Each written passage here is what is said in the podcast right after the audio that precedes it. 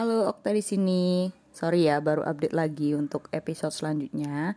Sekarang episode 4. Kemarin episode terakhir adalah kejadian di mana Kronos udah menjatuhkan si Uranus ya kan di mana Uranus adalah ayahnya. Ya kan masih masih berantem-berantem, masih omong-omongan gitu kan. Maksudku berantemnya masih omong-omongan, belum yang gimana-gimana. Nah, setelah ini akan aku bacakan bagaimana proses um, Kronos membunuh ayahnya dengan sabitnya, sabit yang dikasih sama ibunya yaitu Gaia. Baik, aku akan membacakan satu paragraf terakhir dari episode kemarin. Oke, siap mendengarkan? Mantap. Kalau kau melakukannya, Kronos, aku akan mengutukmu. Suatu hari nanti, anak-anakmu sendiri akan menghancurkanmu dan menggulingkan dari tahtamu, persis seperti perbuatanmu kepadaku. Kita lihat saja nanti. Kronos mengayunkan sabitnya dan mengenai Uranus tepat di ya, kau tahu kan, di tempat yang vital itu, aku bahkan tak tega mengatakannya. Kalau kau seorang pria, membayangkan tempat sasaran serangan yang paling menyakitkan, tahu kan di mana? Ya, bagian itulah yang terkena. Kronos menebas. Bes. Dan Uranus meraung kesakitan. Itu seperti adegan film horor berbudget rendah paling memuakkan yang bisa kau bayangkan. Darah terciprat ke mana-mana. Hanya saja darah para dewa berwarna emas ya dan disebut Iker. Tulisannya sih Icor gitu. Tetes-tetes cairan menciprati bebatuan, dan sebegitu kuatnya sampai-sampai di kemudian hari, saat tak ada yang melihat, makhluk-makhluk mulai bermunculan dari Iker itu, dari darahnya tadi.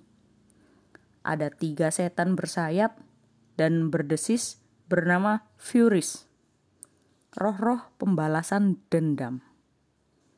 Mereka langsung terbang menuju kegelapan Tartarus Tetes-tetes darah dari langit jatuh menimpa tanah yang subur.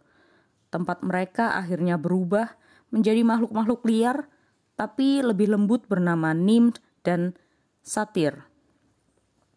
Sebagian besar darah lainnya hanya muncrat ke mana-mana. Serius, noda itu tak akan pernah pudar dari kemeja Kronos. Pekerjaan bagus kakak-kakakku. Kronos tersenyum lebar dengan sabit masih meneteskan cairan emas. Ia petus langsung mual. Yang lain tertawa dan saling menepuk punggung. Oh han anakku, seru Gaya. Aku sangat bangga. Kue dan sirup untuk semuanya.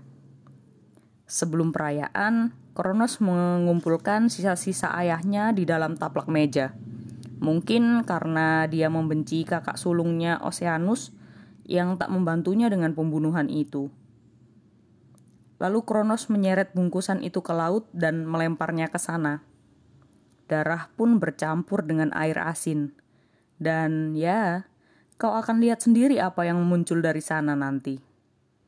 Sekarang kau akan bertanya, Oke, jadi kalau langit sudah terbunuh, kenapa kalau aku mendongakkan wajah, aku masih melihat langit? Jawabannya, Tak tahulah aku. Tebakanku adalah Kronos membunuh bentuk fisik Uranus.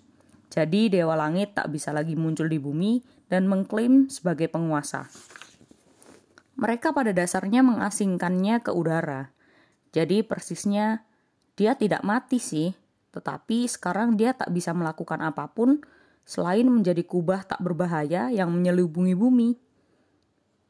Omong-omong, Kronos kembali ke lembah dan para titan pun berpesta. Gaia mengangkat Kronos sebagai raja semesta. Dia membuatkan mahkota emas keren edisi kolektor yang unik. Kronos memenuhi janjinya dan menghadiahi keempat saudaranya yang telah membantu dan diberikan kekuasaan pada keempat sudut bumi. Iapetus menjadi titan di daerah barat.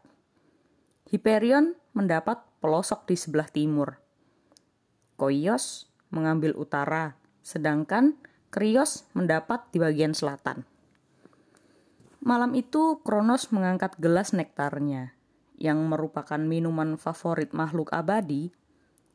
Dia berusaha menampilkan senyum penuh percaya diri karena para raja semestinya selalu terlihat percaya diri. Meski sebenarnya dia sudah mulai merasa cemas begitu teringat akan kutukan Uranus bahwa suatu hari nanti anak-anak Kronos lah yang akan menggulingkan dia sendiri. Meski, be meski begitu, dia berteriak, Saudara-saudaraku, marilah kita bersulang. Kita telah memasuki zaman keemasan. Dan kalau kau menyukai banyak penipuan, pencurian, pengkhianatan, juga kanibalisme, bacalah terus. Karena ini jelas merupakan masa keemasan semua itu. Nah, itu cerita singkat tentang untuk maksudku untuk judul yang pertama yaitu semacam permulaan. Nah, selanjutnya langsung saja akan aku bahas juga tentang masa keemasan, yaitu masa keemasan khususnya tentang kanibalisme. Maaf ya kalau tadi masih kedengeran suara-suara motor yang lewat. Ya karena masih jam segini masih belum sepi. Biasanya take-nya agak subuh gitu, sengaja biar sepi. Oke, lanjut ke episode selanjutnya deh ya. Dengerin terus. Thank you.